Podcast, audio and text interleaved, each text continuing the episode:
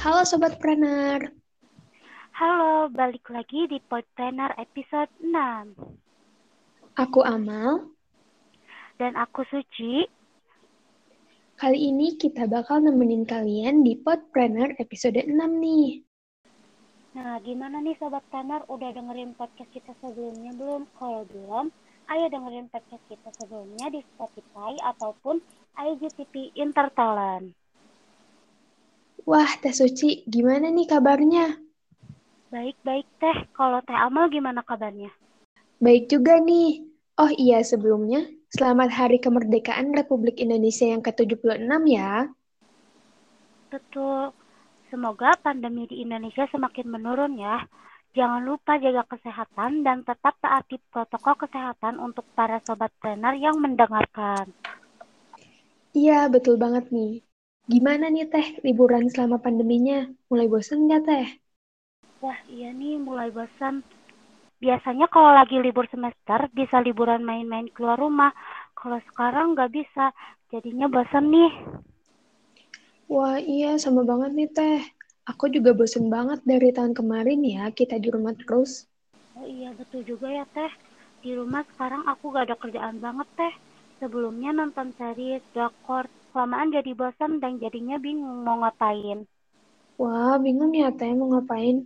Tapi kayaknya pas banget nih Teh sama topik kita hari ini. Oh iya, benar juga Teh. Di Podpreneur episode 6 ini, kita bakalan membahas tentang usaha-usaha atau bisnis apa aja yang dapat dijalankan selama masa pandemi ini.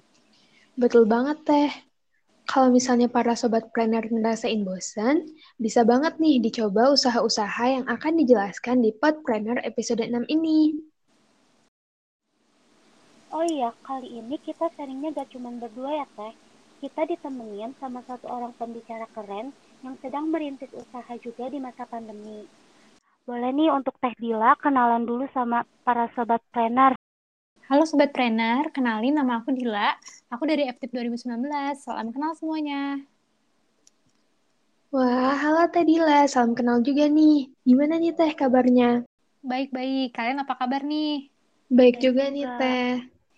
Oh iya Teh, denger-denger Teh Dila ada usaha juga nih ya. Boleh tahu gak Teh apa aja usaha yang lagi dijalanin sama Teh Dila? Jadi untuk sekarang tuh aku sebenarnya lagi ngejalanin dua usaha gitu, tapi yang benar-benar aku lagi jalanin itu adalah usaha di bidang jasa. Nah untuk jasanya itu adalah jasa foto produk, tapi keba emang kebanyakan produknya itu adalah makanan. Nah untuk bisnis aku yang kedua itu aku kayak nyoba thrift shop thrift shop gitu.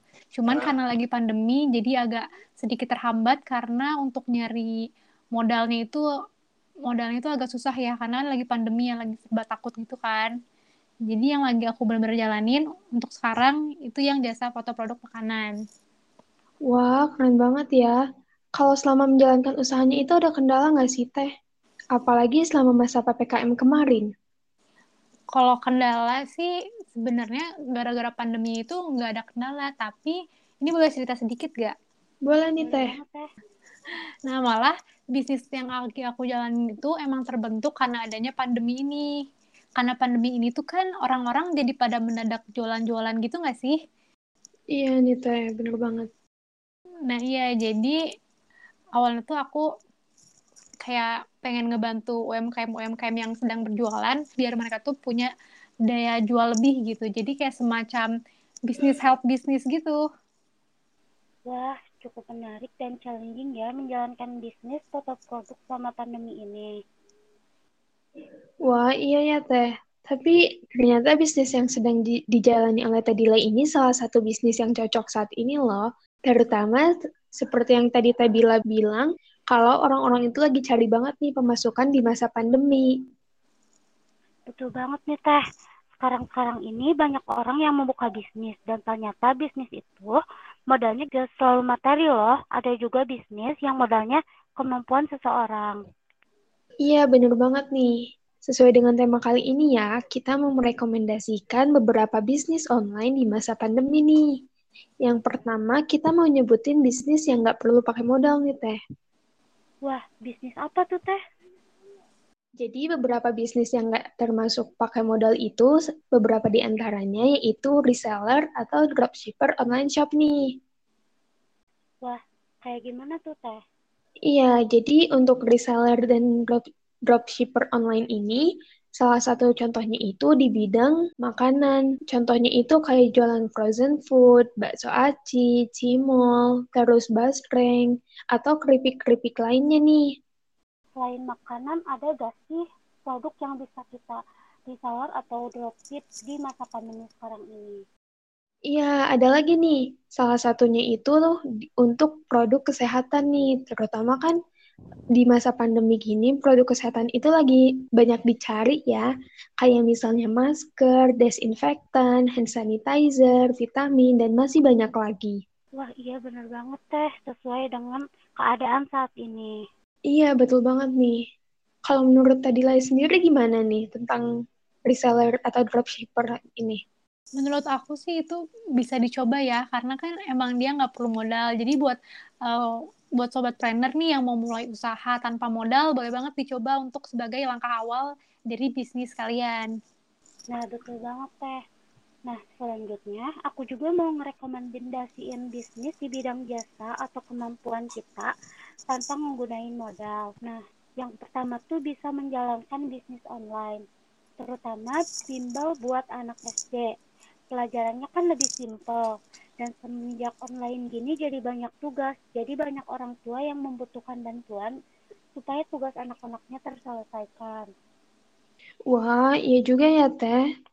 Soalnya sekarang itu anak-anak SD-nya itu kan nggak secara face to face gitu kan ya sama gurunya iya betul teh Nah, selain itu, aku juga punya rekomendasi lain yaitu menjadi tutor fitness atau yoga online.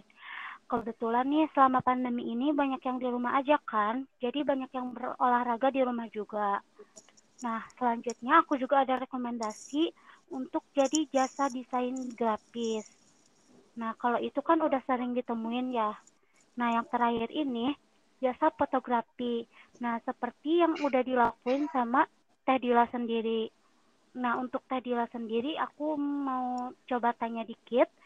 Menurut Teh Dila, fotografi ini termasuk bisnis tanpa modal atau tidak ya, Teh? Sebenarnya ini bisa jadi dua jawaban gitu sih. Ada yang sebenarnya modal aku tuh modal di ini, modal nih kayak properti-properti foto, terus juga alat-alatnya kan, terus kayak alat foto segala macam. Jadi ini bisa termasuk ada modal juga, tapi bisa juga tanpa modal kalau misalkan kalian menggunakan barang yang emang udah ada di rumah kalian gitu. Jadi pinter-pinter kreativitas kalian lah, misalkan di rumah nih kalian udah punya piring-piring yang cantik-cantik, properti-properti yang emang di rumah kalian punya, nah itu berarti bisa jadi bisnis tanpa modal gitu sih. Wah, keren banget nih. Jadi jasa fotografi itu melatih skill kreativitas kita juga ya. Bener banget. Nah, kalau gitu gimana nih? Menurut Tedila sendiri, kalau jasa fotografi itu cukup berpengaruh ke keuangan atau enggak nih, Teh? Menurut aku sih cukup ya untuk nambah-nambah uang jajan. Wah, iya nih. Untuk selanjutnya itu ada bisnis pre-love nih. Wah, kalau bisnis pre-love tuh kayak gimana, Teh? Jadi bisnis pre-love itu ya uh, ngejual barang-barang yang udah nggak digunakan lagi nih. Contohnya itu kayak skincare. Apalagi untuk kita nih, cewek-cewek yang sering banget jajan skincare ya enggak. Kadang kan skincare itu ada yang emang cocok di muka dan ada juga yang enggak kan. Nah, untuk skincare yang enggak cocok di muka ini bisa juga nih untuk dijual lagi. Jadinya bakalan balik modal deh. Wah iya benar banget. Nah, menurut Teh sendiri bisnis pre-love ini gimana Teh? bisnis pre-love ini tuh bisa dicoba, tapi kalau buat kalian yang uh, jarang jajan, jarang jajan-jajan skincare gitu, agak susah sih ya. Wah, iya juga nih ya. Kalau misalnya jarang jajan, terus ngejualin apa lagi ya, Teh? Ya? nah, betul. Iya, mungkin kan tadi kita ngejelasin tentang bisnis yang tidak menggunakan modal ya, meskipun tadi yang di jasa fotografi ternyata tergantung kreativitasnya kita. Nah, di sini ada juga nih kalau misalnya bisnis yang pakai modal nih. Nah, betul. Bisnis yang pakai modal, pertama aku mau ngerekomendasiin di bidang food and beverage. Nah, sektor makanan ini kan emang termasuk salah satu peluang usaha yang menjanjikan di masa pandemi. Karena semua orang pasti butuh makan kan, apalagi sektor usaha makanan masih diizinkan beroperasi sesuai dengan keadaan pandemi saat ini. Nah, bisnis yang bisa dilakuin tuh bisnis kopi atau yang lagi hits itu kroffel. Wah, iya ya, kroffel lagi keren-kerennya gitu ya. Kalau menurut Tadila sendiri gimana nih mengenai bisnis yang food and beverage ini? Menurut aku sih ini bisa dicoba juga karena kalau misalkan kalian nih punya hobi masak kan, boleh nih benda-benda jualan tentang makanan gitu. Iya, bener banget. Nah, selanjutnya ada bisnis apa lagi nih Teh Amal? Oh iya, selain yang bisnis di produk makanan, bisa juga nih kita ngelakuin thrift shop seperti yang dilakukan sama Tadila tadi nih. Nah, thrift shop ini yaitu menjual pakaian yang udah nggak digunakan lagi. Pakaiannya ini meskipun nggak digunakan lagi, tapi masih dalam kualitas yang bagus loh. Jadi jangan khawatir nih.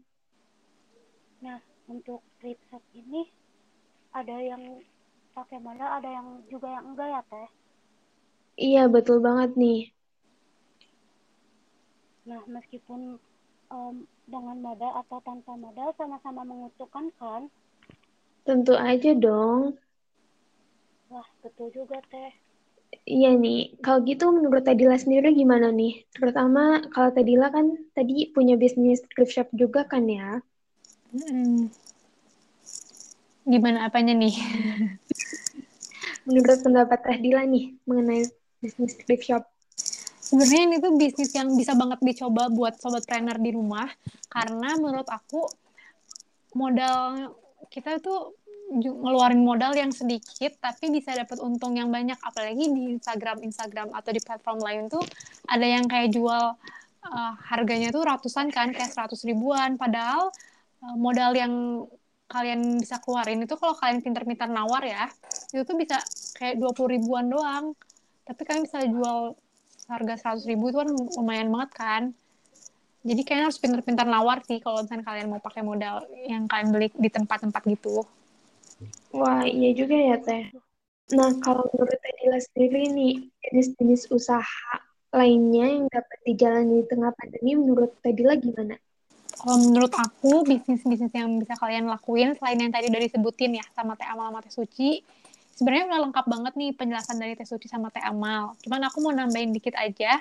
Bisa juga nih kalau kalian punya ketertarikan di bidang fashion, misalnya bisa nih jualan kayak strap mask, gelang, kalung, yang dari manik-manik gitu yang lagi viral sekarang kan. Terus juga kalian bisa jualan uh, bandana atau scrunchie yang dari bahan rajut buatan kalian. Itu tuh lumayan banget kan karena selagi pandemi ini tuh gabut banget kan tapi gara-gara kalian kayak DIY gitu jadi kalian bisa menghasilkan karya yang bisa dinikmati sama orang lain dan juga bercuan dong pastinya. Karena uh, berdasarkan lingkungan aku gitu ya ini udah ada dua teman aku nih yang ngejal lagi ngejalanin bisnis itu yang jualan snap mask sama jualan bandana yang dari rajut itu. Dan teman aku ini sama-sama dari FTIP juga anak FTIP juga keren banget kan Wah, iya nih teh keren banget. Berarti emang di DIY ini emang ngasilin cuan yang banyak banget ya teh. Hmm, bisa dicoba nih kalau kalian lagi gabut kan, iseng-iseng gitu beli terus bikin karya kalian bisa dinikmati sama orang lain dan bercuan gitu. Nah, sobat planner bisa nih pakai idenya dari Tedila ini. Nah, lalu aku mau nanya nih ke Tadila. Jenis bisnis yang bisa bikin tertarik buat dicoba Tadila tuh yang mana teh yang paling menarik gitu, yang tadi udah disebutin. Dan uh, alasannya apa gitu? Kalau yang menarik menurut aku sih yang udah aku jalanin sekarang ya, karena emang itu passion aku gitu. Aku suka fotografi, terus aku emang hobi foto juga, dan aku suka makan. Tapi aku uh, ini gitu maksudnya aku belum belum punya niatan untuk jual makanan karena aku juga belum merasa jago untuk masak kan jadi aku mikir aja uh, bisnis yang bisa aku jalanin sesuai hobi aku yaitu yang foto tadi jadi itu balik lagi sih ke passion kalian masing-masing gitu. Kalau kalian sukanya apa, kalian tertariknya apa, coba aja di bidang yang kalian emang tekunin gitu. Wah, keren banget nih ya. Jadi kita harus cobain aja yang emang buat kita, yang emang kita passionin atau yang emang kita hobiin ya Teh. Mm-mm, biar ngejalaninnya juga seneng walaupun kalian capek gitu. Wah, keren banget nih ya Teh Dila.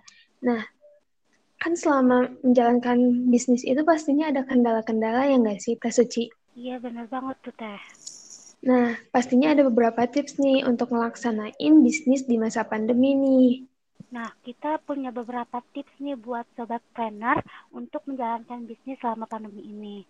Nah, yang pertama aku coba jelasin ya. Coba untuk beradaptasi.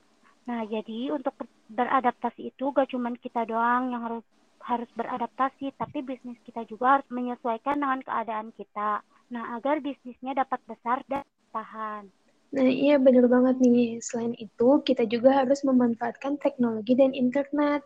Soalnya sekarang-sekarang ini kan segala itu lewat online ya. Jadi kalau bisa, bisnis kita pun juga beradaptasi untuk jadi ikutan online juga nih. Jadi bisnisnya itu harus dikembangin dengan memanfaatkan online karena secara online itu banyak juga nih kan platform yang bisa digunain. Iya, benar banget. Kayak Instagram, Twitter, Line, dan lain-lain. Nah, aku juga punya tips lain, yaitu jangan takut untuk mencoba hal baru.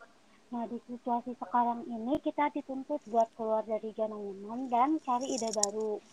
Intinya harus berani berinovasi biar bisnisnya berkembang dan unggul dari kompetitor. Iya nih, betul banget nih. Terus yang terakhir juga nih, kita harus menjalankan bisnis kita itu dengan cara bersungguh-sungguh nih. Jadi kita harus hapus rasa malu kalau misalnya masih malu untuk melaksanain bisnis atau promosi bisnisnya. Atau hapus juga rasa malas. Terus juga jangan lupa tetap bersabar nih. Karena pembeli kita itu kan gak mungkin datangnya itu cepat banget gitu ya. Pasti ada waktu nih untuk pembeli bisa tertarik sama produk yang kita tawarin. Nah, iya benar banget, Teh. Nah, untuk Tadila sendiri nih, kan Tadila sendiri udah pernah ngejalanin bisnis di masa pandemi ya. Menurut Tadila sendiri, um, tipsnya gimana nih Teh? Tips melaksanakan bisnis di masa pandeminya. Oke, tips dari aku. Pertama, kalian harus kenalin dulu diri kalian suka atau tertariknya itu ke mana nih? Kalau kalian sukanya di bidang fashion, berarti boleh tuh coba bisnis thrift shop atau DIY strepas kalung yang tadi kita udah sebutin juga. Kalau kalian suka hobi, kalau kalian hobinya masak atau minimal suka makan atau nyembuh-nyembuh makanan gitu, boleh tuh coba bisnis di bidang food and beverage. Bisa tuh kalian coba-coba dulu jual makanan di teman-teman kalian. Nanti kalau responnya misalkan udah oke, okay, bagus, kalian open PO untuk uh, follower-followers kalian tuh di Instagram kayak gitu kan. Nah, untuk tips keduanya, kalian juga harus pinter-pinter untuk ngikutin zaman yang lagi viral sekarang tuh apa. Kayak misalnya Kravel tadi kan. Kayak misalnya, misalnya kalian bisa tuh open PO tentang Kravel gitu kan. Nah, tapi sebenarnya balik lagi sih harus banget sesuai sama passion yang kita miliki biar ngejalanin bisnisnya itu seneng walaupun capek kayak gitu. Wah benar, menarik banget sih tips dari Teh Dila. Setuju juga gitu uh, pilih bisnis itu harus yang sesuai passion kita. Nah, selanjutnya aku mau nanya ke Tadila. Solusi Tadila biar bisnis fotografi makanan atau trip shopnya bertahan di tengah pandemi ini gimana tuh Teh? Sebenarnya kalau buat solusi bertahan, ini aku secara general aja ya untuk seluruh bisnis karena kan uh, apa ya uh, ini tuh beda-beda gitu kesulitan tiap bisnis kan pasti beda-beda ya. Ini aku secara general aja. Solusi untuk bertahan, ini sih kalian harus pintar-pintar buat follow the trend dan push yourself untuk mencoba hal-hal baru. Karena kadang tren itu tuh nggak selalu bertahan lama kan. Jadi kalian harus terus berinovasi untuk dapat survive gitu.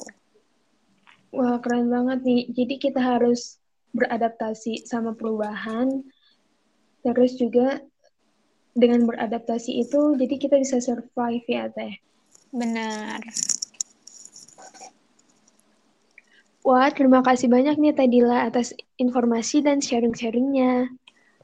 Kalau misalnya Teh Dila mau ada closing statement dulu, boleh nih Teh? Oke, aku closing singkat aja kali ya.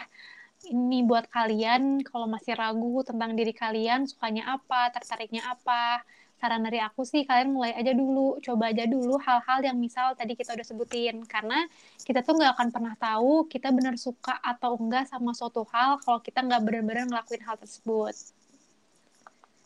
Wah, keren banget ya closing statement dari Teh Dila. Makasih banyak ya buat Teh Dila. Nah, mungkin sampai sini aja kali ya bahasan kita kali ini. Semoga Sobat Planner bisa mendapatkan insight dari episode kali ini ya. Iya nih, betul banget nih. Terima kasih juga buat para Sobat Planner yang udah dengerin Pod Planner episode 6 ini.